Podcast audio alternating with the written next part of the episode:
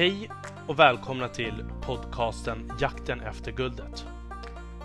Denna podcast får ni följa mig, Armond Faltin, i min resa att hitta nya drivna vänner i jakten efter guldet. I denna jakt söker jag kunskap, nätverk och relationer. Jag kommer även dela med mig om mina egna tankar kring resan och ta upp aktuella ämnen som dyker upp på vägen. Häng med! Ingenting är omöjligt.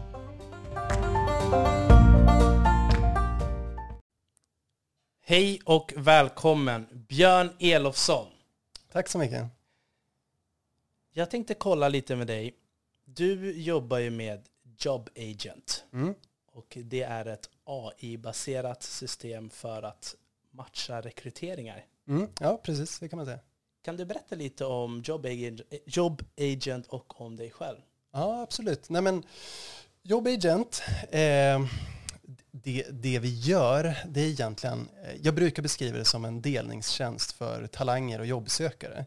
Alltså så att om, om vi tittar på hur arbetsmarknaden ser ut, som är sjukt otransparent. Alltså jag menar, om, om du har sökt ett jobb, ja men du vet att det är, liksom, det är ingen idé. Du kommer troligtvis att få tack men nej tack.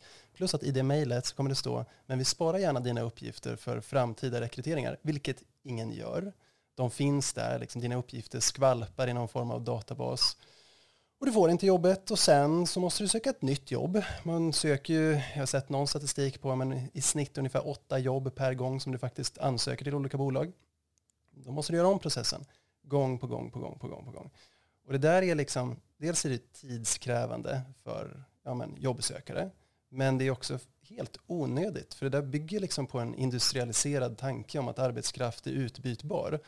Och att jag som rekryterare eller rekryterande chef, jag kan liksom lägga ut en annons, vänta på att folk ska ansöka, sen göra mitt urval och sen kan jag slänga bort de andra som har sökt. Liksom.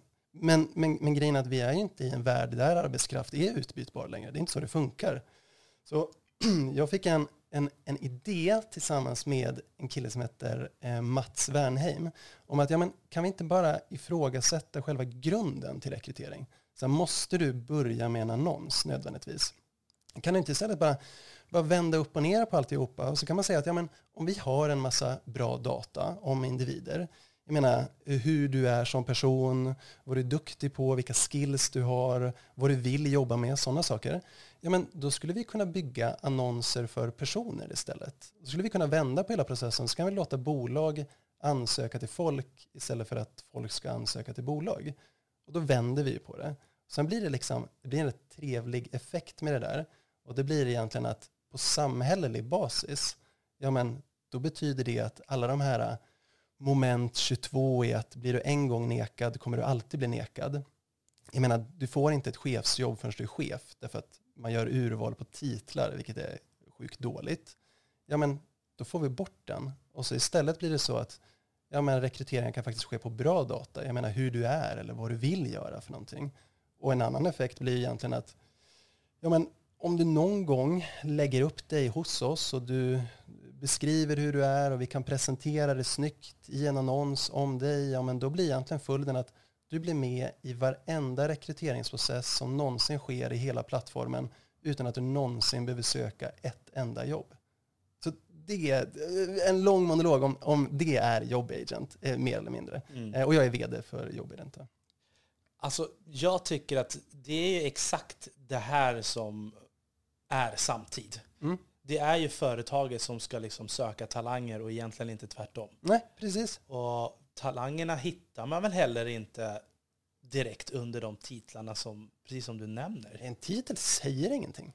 Jag menar, det är ju bara, eh, oftast är de långa, låter bra på engelska.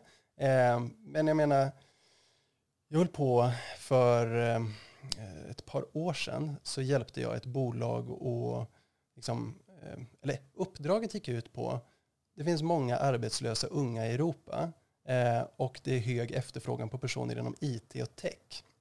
Många unga kan IT och tech, så då är utbud och efterfrågan, kan de inte mötas i det. Och då var en utmaning i det alla titlar.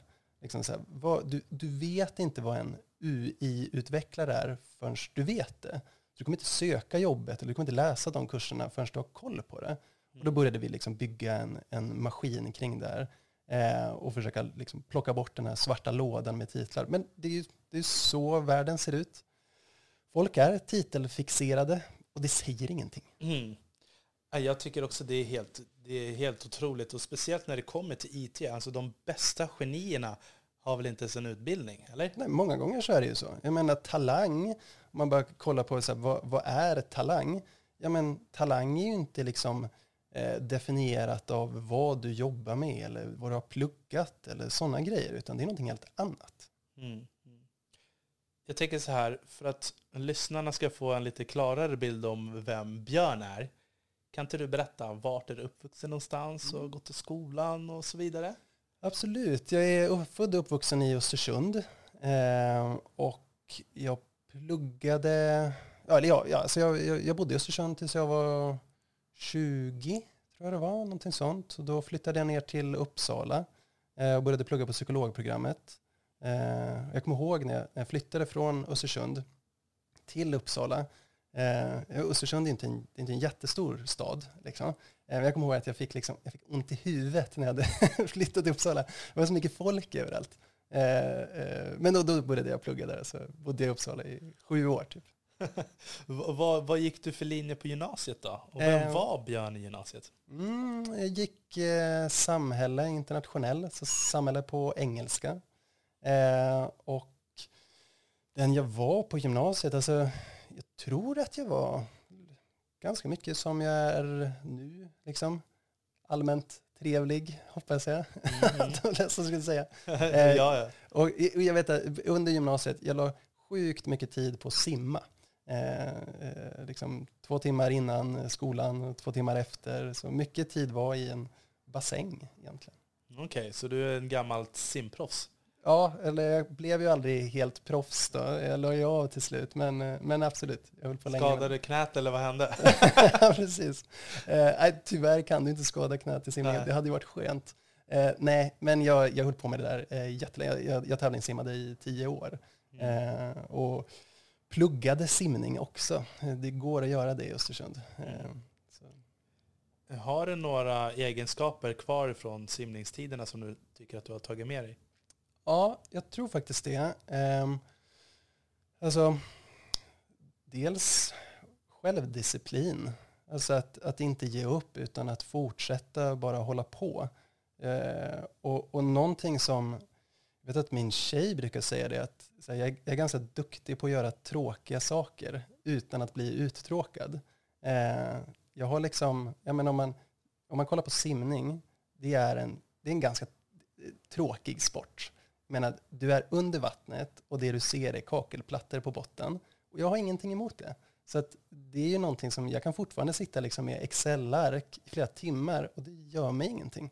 Så det är väl, jag vet inte vad man ska kalla den egenskapen, men ja. jag tycker ändå simning är otroligt roligt. Ja. Excel-ark och, och sitta och räkna siffror och, och tro att man ska räkna sig själv till miljardär, det är också otroligt roligt. Ja, ja absolut, absolut. Det är det. Men vad var det som fick dig in på psykologilinjen och sådär? Eh, alltså, egentligen, eh, när jag var 17, eh, då var jag helt hundra på att jag ska bli psykolog. Och, och eh, delvis, eh, min, min mamma är socionom och det är inte så långt därifrån. Liksom. Ehm, hon verkade ju trivas med sitt jobb och tänkte att ja, men det låter, låter ju bra. Och sen så på, i plugget på gymnasiet så hade jag ganska lätt för att få bra betyg i psykologi. Jag är, ganska duktig på att skriva liksom långa texter som min lärare typ inte orkade läsa, men han tittade väl på dem och tänkte att ja, det, det, står säkert bra saker där, han, han får bra betyg. Eh, och, och, då tänkte jag att ja, men varför inte bli psykolog då? Eh, och då eh, fick jag det som en plan. Jag var tvungen att plugga upp en massa betyg och fixa massa grejer. Eh, och sen så kom jag in då och så började jag plugga. Och sen så när jag väl började plugga så insåg jag att det här kanske inte är något för mig. Mm. Hur långt in hade du kommit då? Du studerade, pluggade ekonomi också. Mm, precis. Eh, det var faktiskt i, eh, efter typ ett och ett halvt år, någonting sånt. så började jag inse att ja, men, jag, kanske inte, jag kanske inte är så sugen på att hålla på med terapi. Jag kanske inte vill jobba med det. Eh, det kanske finns andra roligare grejer. Eh, och då tänkte jag liksom att ja, men, ska jag hoppa av psykologprogrammet? Ska, ska jag göra någonting annat? Men eftersom ja, men, jag har liksom en, en lätt så manisk uthållig sida så fortsatte det hålla på. Så tänkte jag så här, nej, men, jag har hört talas om organisationspsykologi. Det hade jag hört då efter tre terminer. Så då hörde jag av mig till alla organisationspsykologer jag kunde hitta. Eh, och så ringde jag dem och mejlade och frågade vad ska jag göra för att liksom få jobba med det du håller på med. De hjälpte företag eller höll på med rekryteringar och sådana saker. Och då fick jag en massa tips om att ja, men, det vore ju bra om du kan lite ekonomi. Eh, då tänkte jag att ja, men varför inte då? Så då hoppade jag på ekonombiten eh, också så började jag plugga det med. Eh, och efter ett tag då var ju de här fem åren över och jag var klar. Liksom. Mm.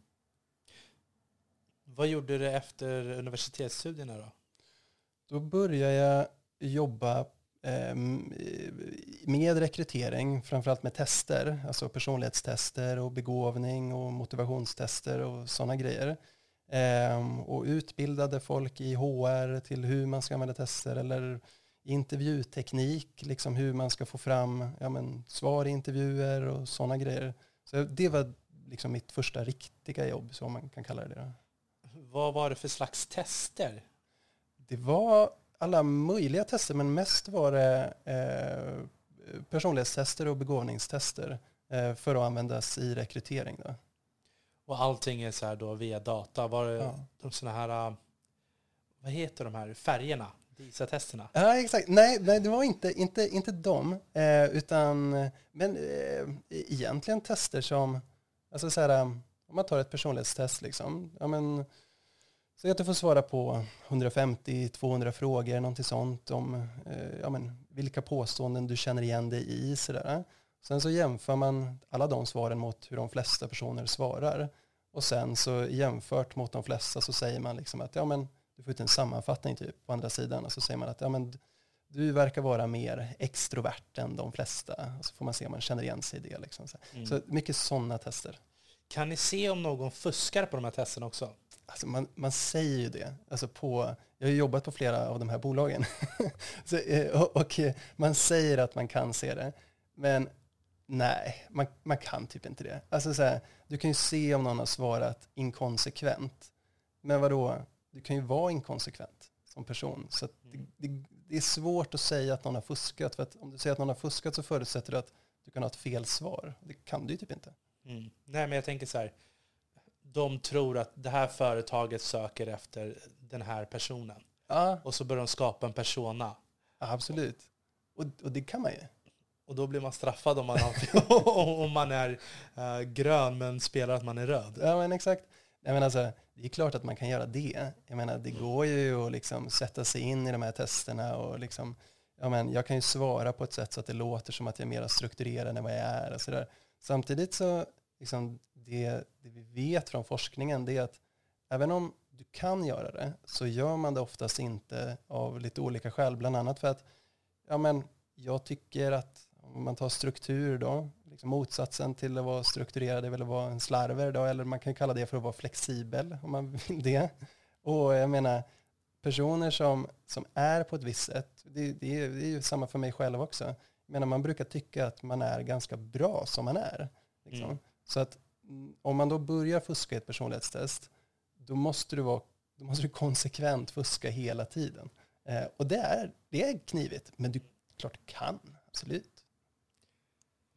Alltså, nej, jag tycker det här det är så himla spännande vad det gäller just personlighetstester, för jag har ju testat själv att fuska mm. igenom på sådana där saker. Men eh, om jag frågar dig då, vad är du för färg och vad tycker du om färgerna? Tror du på jag har hört att det är väldigt många psykologer som inte håller med. Mm. Jag själv tycker att det är jättebra liksom, att man kan dela mm. upp människor i lite fack. Vad tycker du? Nej, men jag, alltså, jag, jag, jag stämmer nog in i den här klagosången från psykologer eh, och säger att alltså, det, det färgtester gör, det är att mm, man liksom man förenklar så pass mycket att man säger att du är antingen röd, grön, blå eller gul. Eh, och i verkligheten så är vi liksom en hel gyttja av alla färger. Alltså så här, jag är lite blå i vissa lägen och sen är jag lite gul ibland och sådär. Och de testerna speglar inte det, det blir liksom för enkelt. Men det man ändå ska säga är att de som säljer de testerna och de som har hållit på med det, det de har lyckats med i sin marknadsföring. Och det är faktiskt någonting som jag tycker att liksom, psykologtestbolagen borde ta efter. Att de borde bli, bli lite bättre på det, kan jag tycka. Mm. så de har lyckats med marknadsföringen? Ja, det har de. Ja. Absolut. Så att eh, du började jobba med HR mm. och mm. göra de här testerna. Jag såg att vad gjorde du sen? För jag såg att du hade en tur i London och ja. Kina. Ja, precis. Jag åkte runt en del. Eh, när jag hade jobbat med att utbilda folk inom HR i tester och intervjuteknik och sådana grejer så började jag liksom tröttna lite grann på det här konsulteriet sådär, och blev mer intresserad av just ja, men testerna i sig, alltså att produktifiera det och göra det lite mer skalbart. Och då började jag jobba på eh, ett bolag som heter Eion. Eh, och, och, hos dem så, så var det mycket mer produkt, liksom, produktifierat. Alltså kan vi bygga, bygga riktigt bra tester och liksom sprida det större. Och då fick jag möjligheten att jobba i London bland annat. Eh, så jag var där ett tag. Men i London så jobbade jag bara med eh, karriärvägledning egentligen. Men också från testhåll. Då. Mm. Hur var skillnaderna där då, de kulturella skillnaderna? Det var ganska stora kulturella skillnader faktiskt. Alltså, jag kan tycka i, i Sverige att ja, men, vi jobbar långa timmar och är länge på jobbet och sådär. Men det var mycket, mycket mer i London. Alltså det, det var verkligen högt tempo. Eh, och jättetidiga morgnar liksom. Och det, det passar inte mig. Jaha, vadå, när började man och när slutade man? Vad var liksom? Ja, men det kunde ju vara möten så här klockan sju på morgonen, långt bort i ena sidan av London eh, och ha liksom jobb till elva på kvällen. Det händer ju absolut. Eh, det är lite för många timmar för mig ändå faktiskt. Eh, men det är ju en kulturell skillnad. En annan kulturell skillnad är att de har mera AVs till exempel. Mm. Eh, Jobbigt. Ja, precis. Nej men eh, pubbarna är liksom sprängfyllda med människor eh, fram till klockan 11 då alla går hem. Och sen så kliver man upp nästa dag och så jobbar man igen. Så. så det var mycket pengar som man la ner på jobbet också med andra ord? Ja, ja absolut. Vad, de ekonomiska skillnaderna då? Var det... Ja, alltså i, i, London jämfört mot Stockholm så större skillnader eh, mellan de som har mycket pengar och de som har väldigt lite pengar. Det är ju väldigt tydligt och i London jättetydligt att de skillnaderna kan ju vara mellan ett kvarter till ett annat. Alltså det finns ju jättestora skillnader i Stockholm och i Sverige.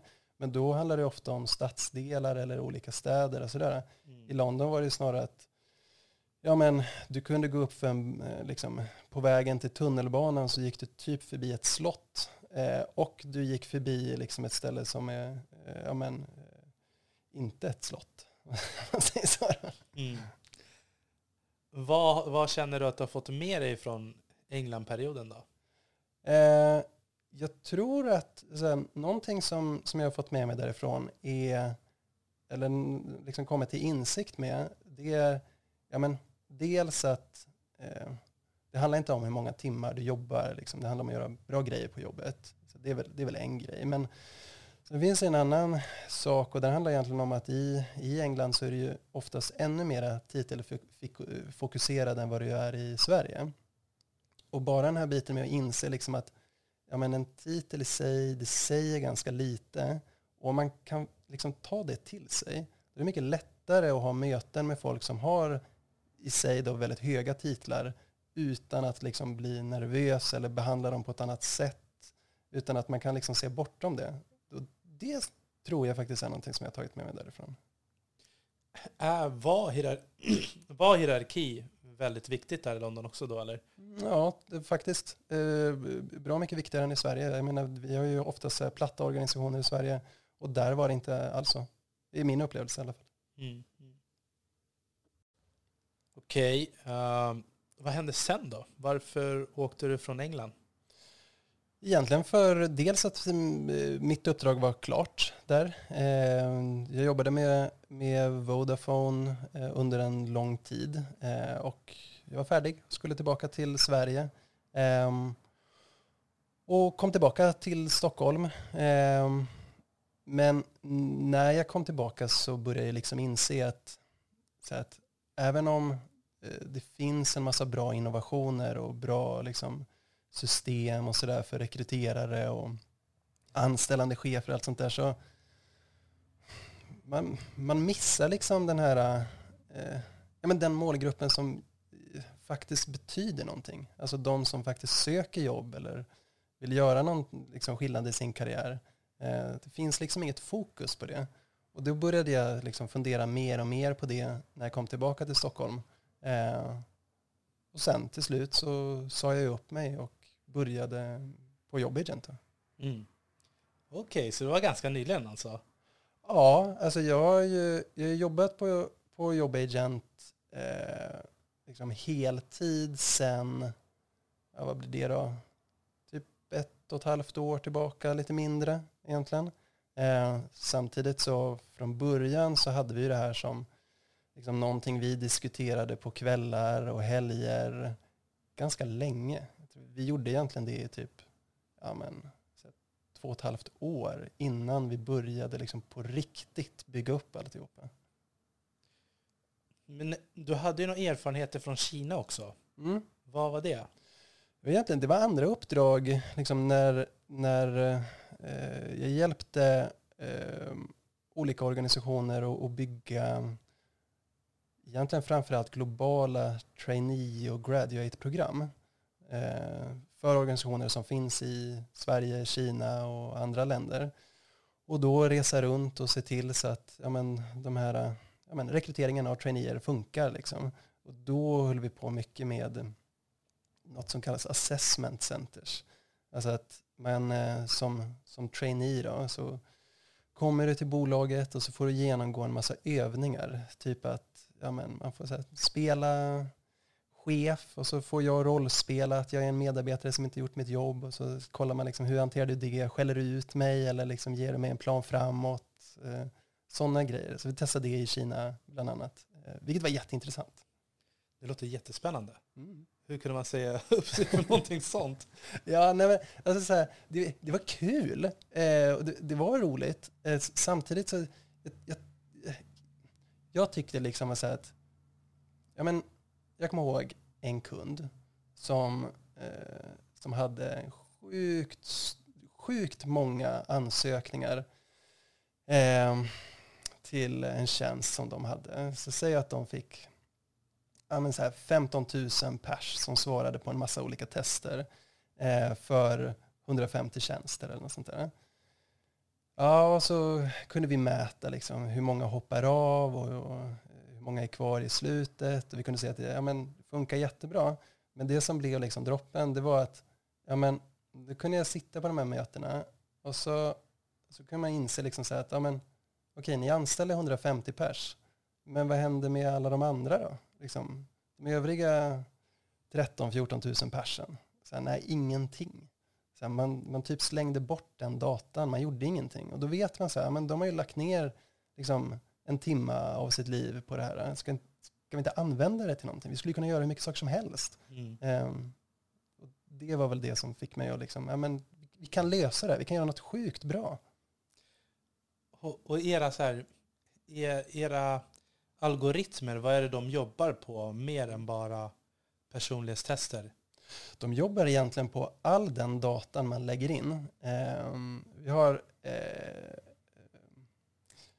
egentligen plockat fram en algoritm som, eller egentligen om man ska beskriva det så kan man säga så här, i, i våran plattform, då har vi, ja men du lägger ju upp då data om dig själv, typ vart du har jobbat och vad du jobbar med och vad du vill jobba med och sådär.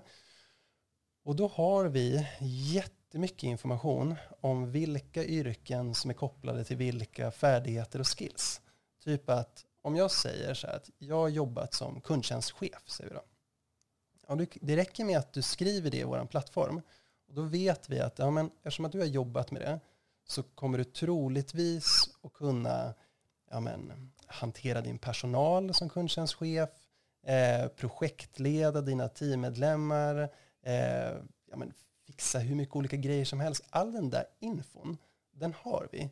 Vilket betyder att om jag är rekryterare då och går in i, i vår plattform, ja, då kan jag skriva att jag söker efter en ja, men, kundtjänstchef till exempel i Stockholm. Det du kommer få upp då, det är ju inte en massa individer rankade på titeln kundtjänstchef, utan det är ju dels absolut skills kopplade till kundtjänstchef, vilket innebär att kundtjänstchefer som har jobbat länge inom det, men de kommer naturligtvis upp i matchningslistan. Men det kommer även projektledare, liksom de som har liknande skills, men som bara inte har sagt att de har den här titeln. Mm. Det låser också upp den här svarta lådan av titlar tillsammans med personlighet och preferenser. Liksom vad, om, om jag ska anställa någon eh, till att jobba inom kundtjänst, då vill jag att den ska ha jobbat, eller då vill jag att den ska vilja jobba med det också. Eh, jag menar i annat fall så är det ju, hur, hur ska jag annars liksom, hitta mina kommande medarbetare? Eh, så att algoritmen tar höjd för allt. Liksom, rubbet läggs in i det här eh, och skapar liksom, matchningar på bra kvalitativ data och inte sånt där trams som exakt vilken titel har du eller typ hur ser du ut eller vad heter du? Sådana grejer. För allt sånt är blurrat. Mm. Så man ser inte sånt. Så jag har också tänkt så här, sociala medier. Mm. Använder ni er av det? Ja, absolut. För det är någonting som jag verkligen har tänkt på så här. Men herregud, jag kan gå in och kolla på någons sociala medier och se deras skills. Mm. Mm. Och speciellt alla de här galna tjejerna som folk bara tror lägger upp fina bilder på sig själva men förstår inte vilket arbete det är bakom. Liksom. Absolut. Och det är ju det där som är så intressant. Därför att om man då säger så här, ja men eh, eh låt oss anta att okay, jag ska anställa någon att hålla på med social eh, mediemarknadsföring. Säger vi då. Ja, men jag behöver en CMO eller en eh, marknadschef eller någonting sånt där. Ja, men det är inte en, det är inte en marknads... Alltså det du letar efter är inte en person som har titeln marknadschef. Det du letar efter det är någon som har skillsen bakom det. Typ som du är inne på, ja, men någon annan som jobbar med sociala medier exempelvis då, och lägger upp en massa bilder, liksom är kreativ, kan alla de bitarna. Mm. Ja, men det, det, är det som liksom, det är det som betyder någonting. Precis. Så att övervakar ni all den här hanteringen också och se till så att det liksom blir en bra matchning, eller? Ja, absolut. Det gör vi. Eh, bland annat så övervakar vi och ser till så att matchningarna inte driver åt något håll. Liksom. Vi måste ju ha koll på att ja, men, eh, den datan som faktiskt används är dels bra data, eh, men vi kan ju också kika på våra algoritmer och liksom få upp ett meddelande om det skulle vara så att men vi ser att eh, det verkar finnas eh, liksom en diskriminerande faktor i den här algoritmen. Men så skulle det kunna vara. Det är en människa som har skrivit algoritmen. Och det måste vi hålla koll på. Så det har vi stenkoll på att det inte händer. För då korrigerar vi det såklart. Liksom. Mm -hmm. jag har ju, det, det, har jag läst också om era artiklar i tidningarna, att det är just det som har varit en viktig faktor mm. uh, hos er. Kan du berätta lite om det?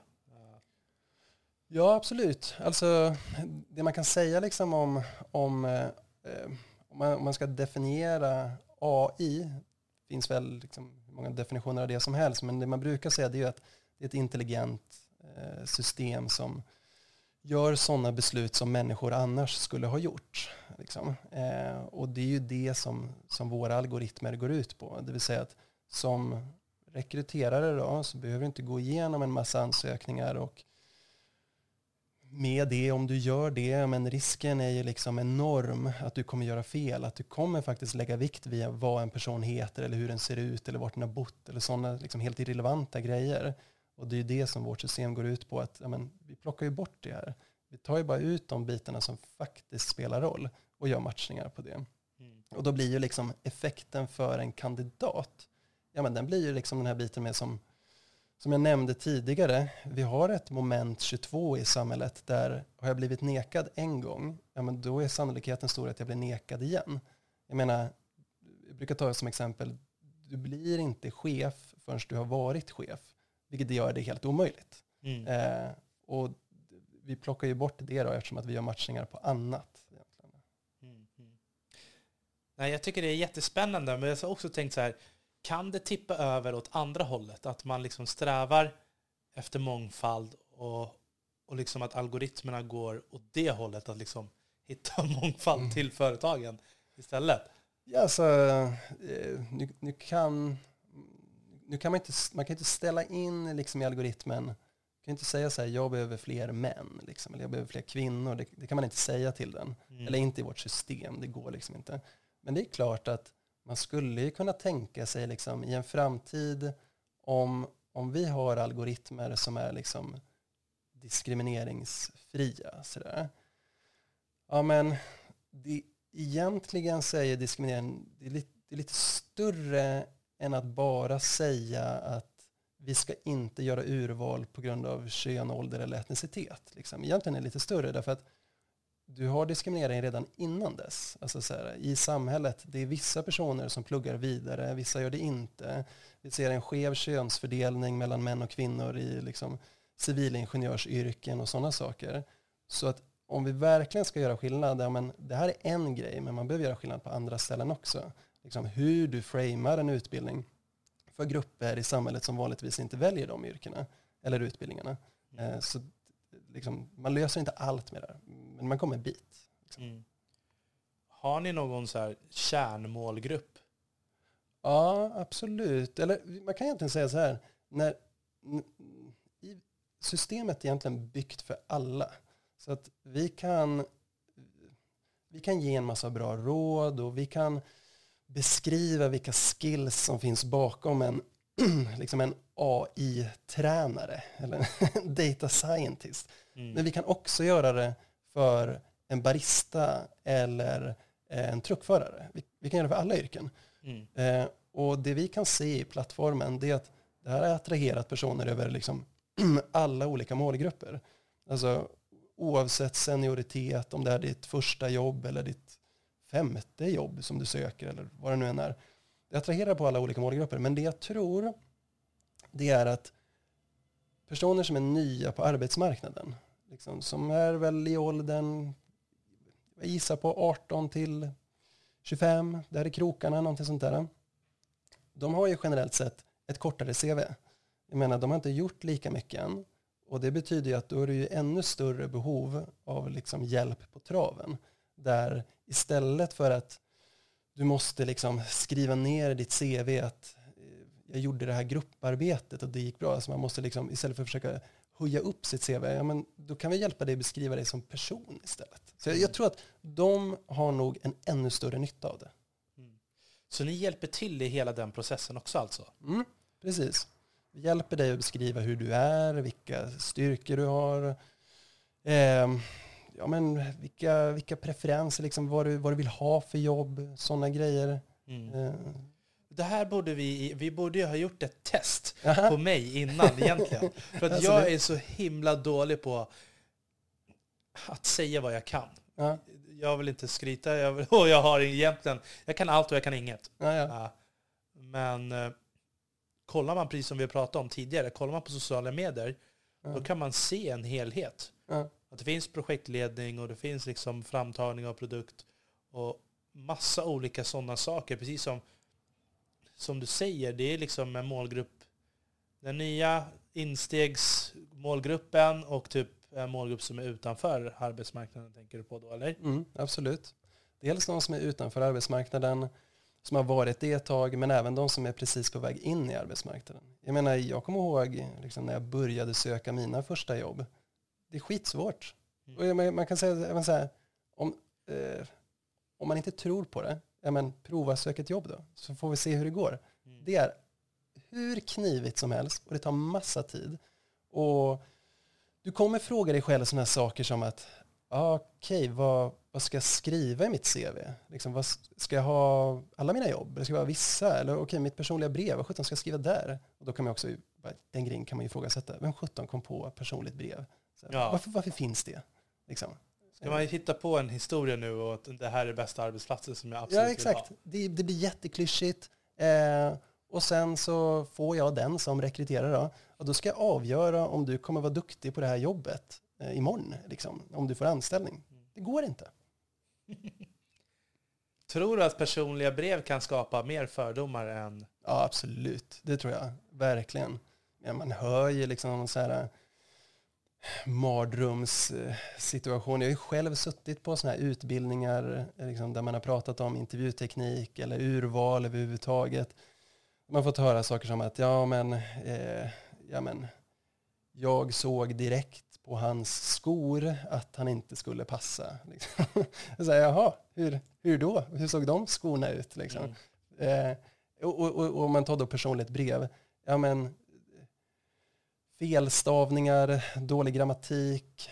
Ja, okej, okay. det kanske är viktigt om du ska jobba som krönikör eller recensent, antar jag. Förutom att man lär ju ha ett bra rättstavningsprogram då på de ställena. Ja, kanske då är det väl eventuellt viktigt då. Mm. Men eh, i vilka andra jobb måste du skriva helt felfritt? Så att, ja, definitivt att det kan öppna för fler fördomar. Och det, och det, det har vi sett i massa studier. Jag menar, namn spelar extremt stor roll när du söker jobb, eh, trots att det är helt irrelevant. Mm. Nej, alltså det, finns en tjej på Instagram som har skrivit så här, har du sett killen med skylten eller tjejen med skylten? Ja, ja jag har sett ja. den. Där, jag tror att det är tjejen med skylten som har skrivit Sluta skriva att du kan ha många bollar i luften på ditt CV. ja, exakt. För det är ju så att allas, allas personliga brev och CVn ser ju till viss del likadant ja. ut. Ja. ja, och det är ju fyllt med klyschor. Jag har många bollar i luften eller eh, min största utmaning är att jag tar på mig för mycket. Bla, bla, bla. Mm. Liksom. Det är så det ser ut. alltså jag, har, jag tyckte också att när man startar någonting sånt här, då är ju teamet otroligt viktigt. Och jag ja. läser att ni har ett otroligt vasst team. Kan du berätta lite om dina teammedlemmar? Ja, absolut. Nej, men, eh, vi är eh, egentligen tio pers eh, som jobbar eh, fullt ut. Ehm, och det är jag då, eh, Mats Wernheim, eh, medgrundare eh, med mig. Eh, och hans bakgrund är egentligen brukar beskriva honom liksom som en serieentreprenör. Han har jobbat inom branschen, eh, liksom rekrytering och, och sådana grejer i 30 år typ. Eh, startat massa andra bolag och drivit upp dem. och är Jätteduktig. Eh, han är sjukt visionär. Eh, eh, jag är inte alls lika visionär som honom, så där matchar vi varandra rätt, rätt bra. Mm. Eh, en annan eh, person som heter Victoria, flygare, eh, också jätteduktig inom talent management, eh, och också jobbat inom branschen eh, en massa. Hon är väl mer av vad man brukar kunna kalla för en så riktig rekryteringsexpert. Sådär. Mm. Eh, så, så hon är jättelätt för att titta liksom på de grejerna vi bygger och se, ja, men, hur tar det här sig emot av liksom kommande kunder? Eh, rekryterare, rekryterande chefer, liksom, vad tycker de om det här? Vad, vad missar vi? Vad ska vi lägga till? Sådana grejer. Hon är jätteduktig på det. Eh, Frida eh, Bredesen, en designer som, som, som jobbar hos oss, är helt makalöst duktig. Alltså har liksom, jag har aldrig varit med om någon som är så duktig på att skapa design och flöden. Jag menar, eh, Sverige, vad, vad jag har hört så är det den mest picky marknaden när det kommer till UX, liksom hur flöden ser ut i appar och system och sådana saker. Men hon liksom nailar det. Och sen eh, Fredrik eh, Nimele eh, som också jobbar med oss som är eh, jag började jobba med honom för, kan det vara sju år sedan, någonting sånt där, när jag jobbade på ett bolag som heter Assessio. Eh, så, bygg, så var han arkitekten bakom deras testsystem. Eh, och han var en av de första som var med och byggde upp Spotify. Eh, så att han är, han är liksom data scientist på riktigt. Eh, så det är han som har skrivit våra algoritmer och liksom har stenkoll på det. Eh, vilket är jätteskönt för att jag, menar, jag är ganska dålig på matte. Jag kan plus, minus, gånger och delat. liksom. Men, men eftersom att det vi bygger är ganska komplext liksom bakom, liksom under huven, sådär, så det är jätteskönt att han fixar det och liksom ser till att det funkar och sådana grejer, vilket är jättetrevligt. Um, och sen fem utvecklare eh, också då, som jobbar heltid. Eh, också superduktiga. Liksom. Mm. Det, det, är de som bygger det egentligen. Mm.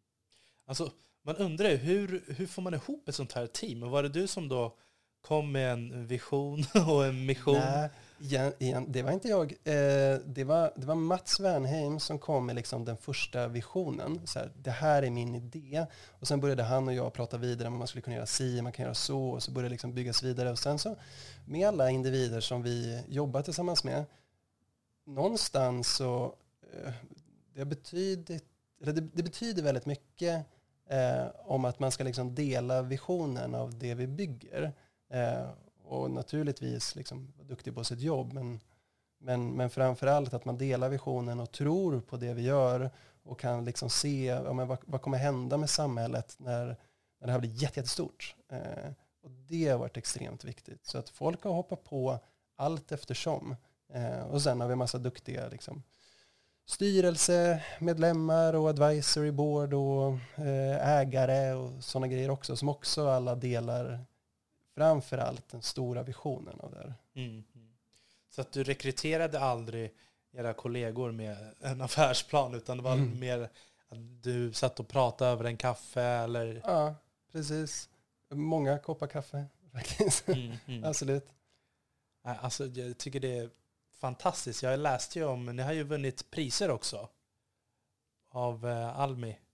Ja, ja eller eh, in, inte priser i sig, men vi har ett samarbete med Almi. Okej, okej. Okay, mm. mm. Eh, så jag tycker det är så spännande när man ser de här alla uppkommare och ni är verkligen sådana som har ett bra team, håller på med någonting som är högaktuellt.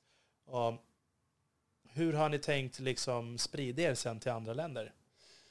Eh, på, på, olika vis. Alltså så här, eh, dels så både jag och, och de andra i teamet har jobbat mycket utomlands och har nätverk som, som sprider sig över egentligen framför allt Europa men i andra länder också.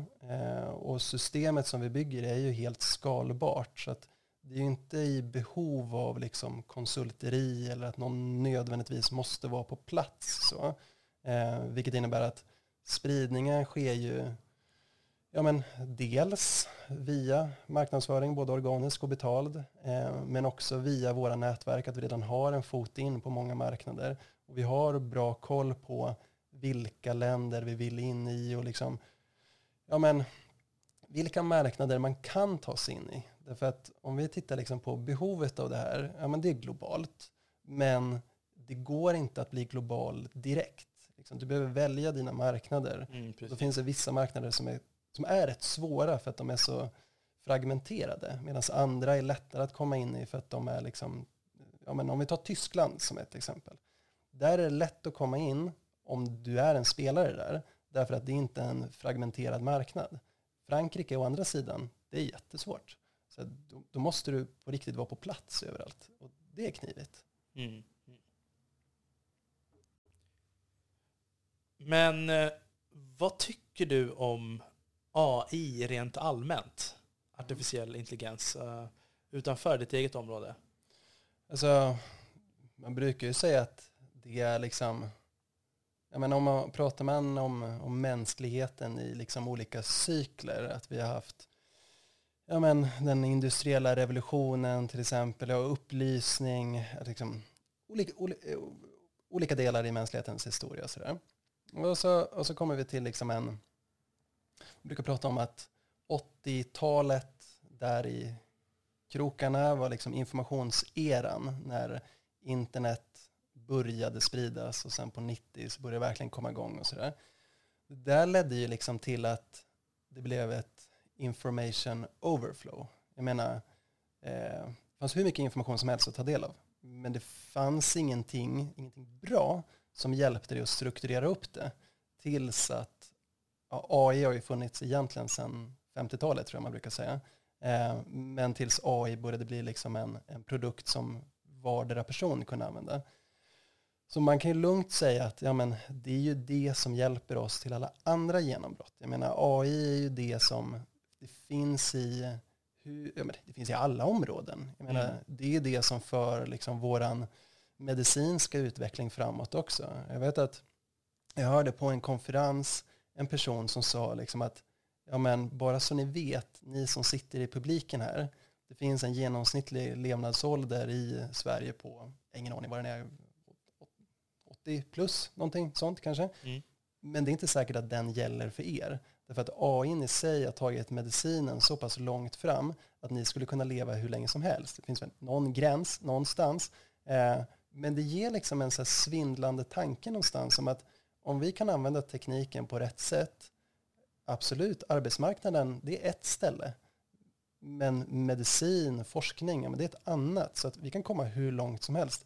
Sen är det klart att, ja men vad är baksidorna då? Jo men det är ju framförallt om du använder den på fel sätt. Kanske då framförallt av totalitära stater. Eh, jag menar, där är det klart att du skulle kunna göra massa obehagliga saker med AI. Eh, jag menar ansiktsigenkänning som används på fel sätt och sådana saker. Det är klart att ja, det är ju sjukt obehagligt också. Mm. Mm. Nej, jag tycker, det, jag tycker det är så spännande, för jag, jag, jag håller helt med det vad du säger. Jag tycker att det är spännande om man gör allting på, så länge det finns regler. Mm, absolut. Vilka områden får man gå in i? Ja. Hur får man använda det? det övervakningen är jätteläskigt. Ja, ja, Och gud, vi ja. har ju sagt nu, i Sverige så ska vi också göra någon grej där man ska Ja, läsa av alla bilskyltar, se alla som sitter inne i bilarna. ja, Koll, så ska man få fram direkt vart de har varit någonstans. ja. Och det är så här, okej. om du är helt vanlig människa, då kan man Ja. tycka att det där är väldigt läskigt. ja, ja, För ja. vad händer när ett litet land som Sverige Mm, blir hotat av, vad ska man säga, Ryssland, Kina, USA, Mm. som inte har en stor militär. Och även om vi skulle ha det, spelar ingen roll. Du kan direkt ta över ett land som gisslan om du bara kan hacka dig in i övervakningen. Absolut, det är ju det. Sen så det finns en till risk såklart och det är ju liksom att när vi är beroende av väldigt mycket system som är tekniska, ja men eh, om du då plockar ner tekniken, vad gör vi då? Jag menar, jag lyssnade på um, en person som, jag för mig att hon jobbade för en tankesmedja inom ekonomi och finans. Eh, och hon förklarade just att ja, men, Sverige är ett av de mest kontantfria länderna i världen. Eh, det är bra på ett sätt, det är lättare att göra pengar eller ja, men, hålla borta från, från svarta betalningar och hålla det vitt och sådär. Det är bra. Men å andra sidan så det finns en, en extrem risk med det och det är ju liksom den dagen som saker kraschar, vad gör vi? Liksom när alla dina, mina, allas pengar helt plötsligt på banken är borta, ja men vad gör vi då? Mm. Så det är klart att det finns en, en stor risk bara av att vi sätter upp ett helt samhälle runt teknologi. Att det är risk, såklart. Mm. Mm. Äh, jag tycker det ska bli spännande att se vad som händer framöver. Det är Mm. tur att man har orienterat sig utan GPSen på mobilen. Ja, absolut. Nej, men jag kommer ihåg det när jag flyttade till, till Uppsala. Eh, jag, jag tycker inte att det är så himla länge sedan. Eh, det var 2009 som jag flyttade dit, så att det är väl ett tag sedan. Men det, jag kommer ihåg det som att det inte var så länge sedan. Jag kommer ihåg att jag skulle åka iväg och eh, hälsa på en kompis som bodde i Eriksberg, liksom utkanten av Uppsala. Men på den tiden så fanns det liksom, ja men GPS funkade liksom inte på mobilen.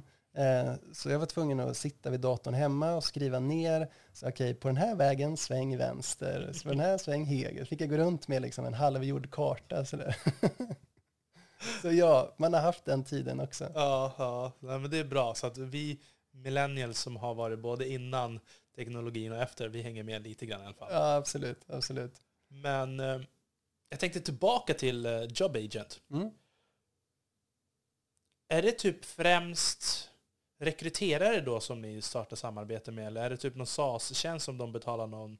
Det är SAS-tjänst, eh, det är det. Eh, så som eh, re- rekryterare då, det är en prenumerationsmodell, billig form eller free trial. Man kan ju prova och se vad man tycker liksom, sådär, till att börja med. Men så ja, det är rekryterare, men det är ju också rekryterande chefer. Och det är väl egentligen den största gruppen som jobbar med rekrytering. Liksom. Det är inte de som jobbar, vad ska man säga, eh, dagligdags med rekrytering. Det är ju rekryterarna som gör det. Men det är rekryterande chefer som, som är de flesta. Liksom. Så absolut, vi riktar oss ju till dem. Men det som är viktigt för oss är ju eh, framför allt Eh, kandidaterna eller jobbsökare. Då. Det är ju liksom det som, som är hela kärnan av det vi håller på med. Därför att inom HR, rekrytering, sådana grejer, det finns en massa bra system, liksom innovativa, smarta lösningar för rekryterare eh, och rekryterande chefer. Men det finns typ ingenting för talanger och jobbsökare, eh, trots att det är den viktigaste målgruppen. Så för oss, ja, vi är absolut, det är, det är jätteviktigt med rekryterare, rekryterande chefer, folk inom HR överhuvudtaget. Men det är talangerna som är liksom de absolut viktigaste. Mm. Ja, men det, det, är bra. Ni har fokus på rätt ställe. Ja, ja. men eh, var hittar ni de som ni ska rekrytera? Går ni till skolor då och, och sådär? Eller hur, hur når ni ut till talangerna? Till talangerna så vi når ut del, dels via samarbeten med andra bolag, eh, via organisk och betald marknadsföring. Eh, egentligen är det ju framför allt det faktiskt. Alltså de två bitarna, partnerskap med bolag och, och marknadsföringen. Då. Mm. Eh, och vi ser att det, det är väldigt intressant därför att det, det finns andra plattformar. Vi tar LinkedIn till exempel. Eh, den plattformen började ju någonstans som så här, här kan du söka jobb ungefär. Sen så övergick den till att handla mer om nätverkande och idag så är det väl snarare mer av någon form av liksom, Facebook-liknande plattform med en annan tonalitet. Det är väl det det är. Och jag tycker själv LinkedIn är sjukt bra för marknadsföring, sälj, sådana grejer. Mm. Eh, men om jag är en person som vill söka jobb, eller jag vill ha ett jobb, eller jag vill bara ändra min karriär, eller vad jag nu vill för någonting. Vart sjutton går jag då? Det är klart att jag kan lägga upp mig på LinkedIn, men det vi vet då det är att de som är, om du inte är väldigt senior och har en av de här långa titlarna, att du kommer inte bli hittad där. Det är liksom inte det. Okej, men då är alternativet att jag ska svara på massa jobbannonser. Och det var ju det som, som vi pratade om, att ja men prova att söka ett jobb. Liksom, det är sjukt svårt. Mm. Eh, och, och det är ju där kommer in då egentligen. Mm, mm. Jag håller helt med. Och det är precis som du säger på, på LinkedIn. Jag ser också det bara som Facebook. Det är typ du, det. Du kan komma i kontakt med människor du kanske inte skulle komma i kontakt med innan. Uh. Men den som har bäst nätverk är den som vågar visa bilder från gymmet. ja, exakt. och, och, och liksom. Men jag har ju heller inte skrivit alla mina erfarenheter där. Nej. Jag har bara lagt upp några hörnstenar som jag tycker är viktigt. Ja. Okej, okay, här kan du läsa av och tänka lite själv. Ja. Uh, helheten kan du hitta på Instagram. ja. Men uh, jag menar, det finns ju en annan grej med LinkedIn. Det är också så här att ja, men, om jag tittar in på, på din profil, det är liksom in your face, foto, vilka du känner och dina titlar. Det är det. Eh, och sen kan jag kontakta dig och så kan vi börja liksom lära känna varandra eller ja, men, göra någon form av rekrytering, något sånt där. Men jag menar, det är så som människan är byggd. Vi är byggd liksom på ett, liksom, sättet vi hanterar information, det är att lägga det i fack liksom, vi placerar människor i fack för att det är enklast för oss. Det har alltid funkat när vi liksom gick runt på savannen. Vi såg liksom ett farligt kattdjur som såg ut ungefär som det förra farliga kattdjuret. Och vi vet att vi ska springa. Liksom. Vi stannar inte där och tänker så här, hmm, ska jag stå kvar? Kanske en snäll katt, kanske inte. Utan vi kutar ju bara. Mm. Samma typ av liksom lägga människor i fack funktionalitet är liksom hårdkodat in i våra hjärnor. Så att även om man säger så här, ja men jag ska inte vara en diskriminerande person, jag ska se alla liksom med nya ögon. Absolut, det, det, går säkert, men det är rätt svårt. Det är inte säkert att man diskriminerar på samma sätt, men det kan ju räcka med att man tittar liksom på, aha, har han eller hon jobbat på det här bolaget? De vet jag ju hur de är. Liksom. Mm. Det är också en form av liksom dåligt beslutsfattande. Och det är ju det man ser på många av de här plattformarna. Men tanken där är ju inte nödvändigtvis att söka jobb eller bli uppsökt, utan tanken där är att utöka ditt nätverk. Och kan man hålla det till det, då är det bra tycker jag. Mm, mm. Och jag tycker ju också, precis som vi pratade om tidigare, när jag startade den här podden, så hur otroligt givande och hur organisk spridning det får. Skulle ni starta en podd där var ni intervjuar liksom jobbsökande eller jag ja. vet inte vad, vilken otroligt organisk spridning ni skulle få. Ja, men det vore jättetrevligt. Mm. Verkligen. Otroligt roligt. Jag kan bara tänka mig, för att det är också så här, Jag har ju intervjuat människor som har haft flera hundratusen följare. Ja. Och så har jag intervjuat andra personer som inte alls ens har tusen. Mm. Och det är liksom den med mindre som går om den med flera hundratusen. Mm. Så att de där siffrorna spelar inte så stor roll heller. Och jag tror att just er målgrupp är så himla... Det är den gruppen som växer snabbast organiskt. Mm. Mm. Absolut. Mm. Jag tycker det är otroligt spännande. Men eh, jag tänkte så här, eh, vi börjar röra oss mot slutet. Mm. Jag, jag tänkte så här, några sista sköna frågor bara för att man ska Ja, få ja. komma in under huden Ja. eh, på dig. Vad är din favoriträtt? Eh, den är svår. Ehm, jag tror... Jag, vet inte, jag, jag och en kompis pratade om det för lite tag sedan. Så här, Om du åkte till en öde eh, och du fick bara ha en rätt att äta på den här öde ön för resten av ditt liv, vilken skulle du välja? Eh, tacos. För den kan du göra om och du kan göra på olika vis. Så att jag säger, ja men absolut tacos. Ja, tacos är min favorit också. Ja. Vart är din favoritplats? Åh, eh, jag tror nog att min favoritplats, jag skulle säga Gotland faktiskt. Eh, mina föräldrar bor på Gotland och jag tycker det är jätteskönt att vara där. Det är lugnt, trivsamt. Eh, inte så mycket folk. Eh, nej men jag, jag, jag säger det. Mm. Mm. Hur ser en drömsemester ut för dig då? En drömsemester, det skulle nog vara liksom eh, åka till Gotland eh, med min tjej, hälsa på mina föräldrar, svänga förbi mina syrror. Eh, de bor visserligen i Stockholm så det blir inte så långt att åka till dem. Eh, kuska runt i Sverige liksom. Jag, jag tycker det är jättetrevligt. Ja, du tycker om eh, hemma, hemmester kallar man det. Ja, delvis, absolut. Mm. Jag, jag tror det faktiskt. Om du skulle resa utomlands då? Mm. Hur många stjärnor får det vara på hotellet där du känner dig som mest bekväm? Som mest bekväm, men då skulle jag säga fyra då. Eh, fem känner jag mig inte bekväm. Det blir för mycket vita linnedukar, liksom spela med fiol bredvid middagen. det går inte. Ja, alltså jag tycker det är roligt att du säger det, för jag har också ställt den här frågan till flera andra. Fyra eller fem? Och liksom fem, Nej, men, nej, jag ska inte vara bekväm. Alltså, det är säkert astrevligt, men Mm. mm, nej, jag tror att om det, om det är fem stjärnor, då antar jag att man måste typ landa i det ett tag. Mm. Så nej, jag säger fyra då. Och sista frågan. Vad för musik dansar du till? Och, eh, alltså grejen är att jag är ju rätt stel. jag dansar inte så mycket, men eh, jag dansar ju naturligtvis när ingen ser, eller när jag är själv. Eh, alltså det, det är ganska mycket olika musik, men nu har jag kommit in i liksom, nu lyssnar jag på ganska mycket gammal hiphop. Eh, men det blir inte så mycket dans till gammal hiphop, det är mer att man står liksom och gungar lite så här. så jag skulle säga det då. Ja, okej. Stort tack att du kom och besökte podden, Björn Tack så Elofsson. mycket själv. Uh, jag hoppas att det kommer gå superbra för ert företag. Jag vet att det kommer gå dunder. Och uh, får jättegärna höra av dig om du vill besöka podden igen. Absolut, det ska jag. Till er andra, vi hörs igen nästa vecka. Jakten efter guldet mina vänner. Med vänliga hälsningar, Armon Faltin.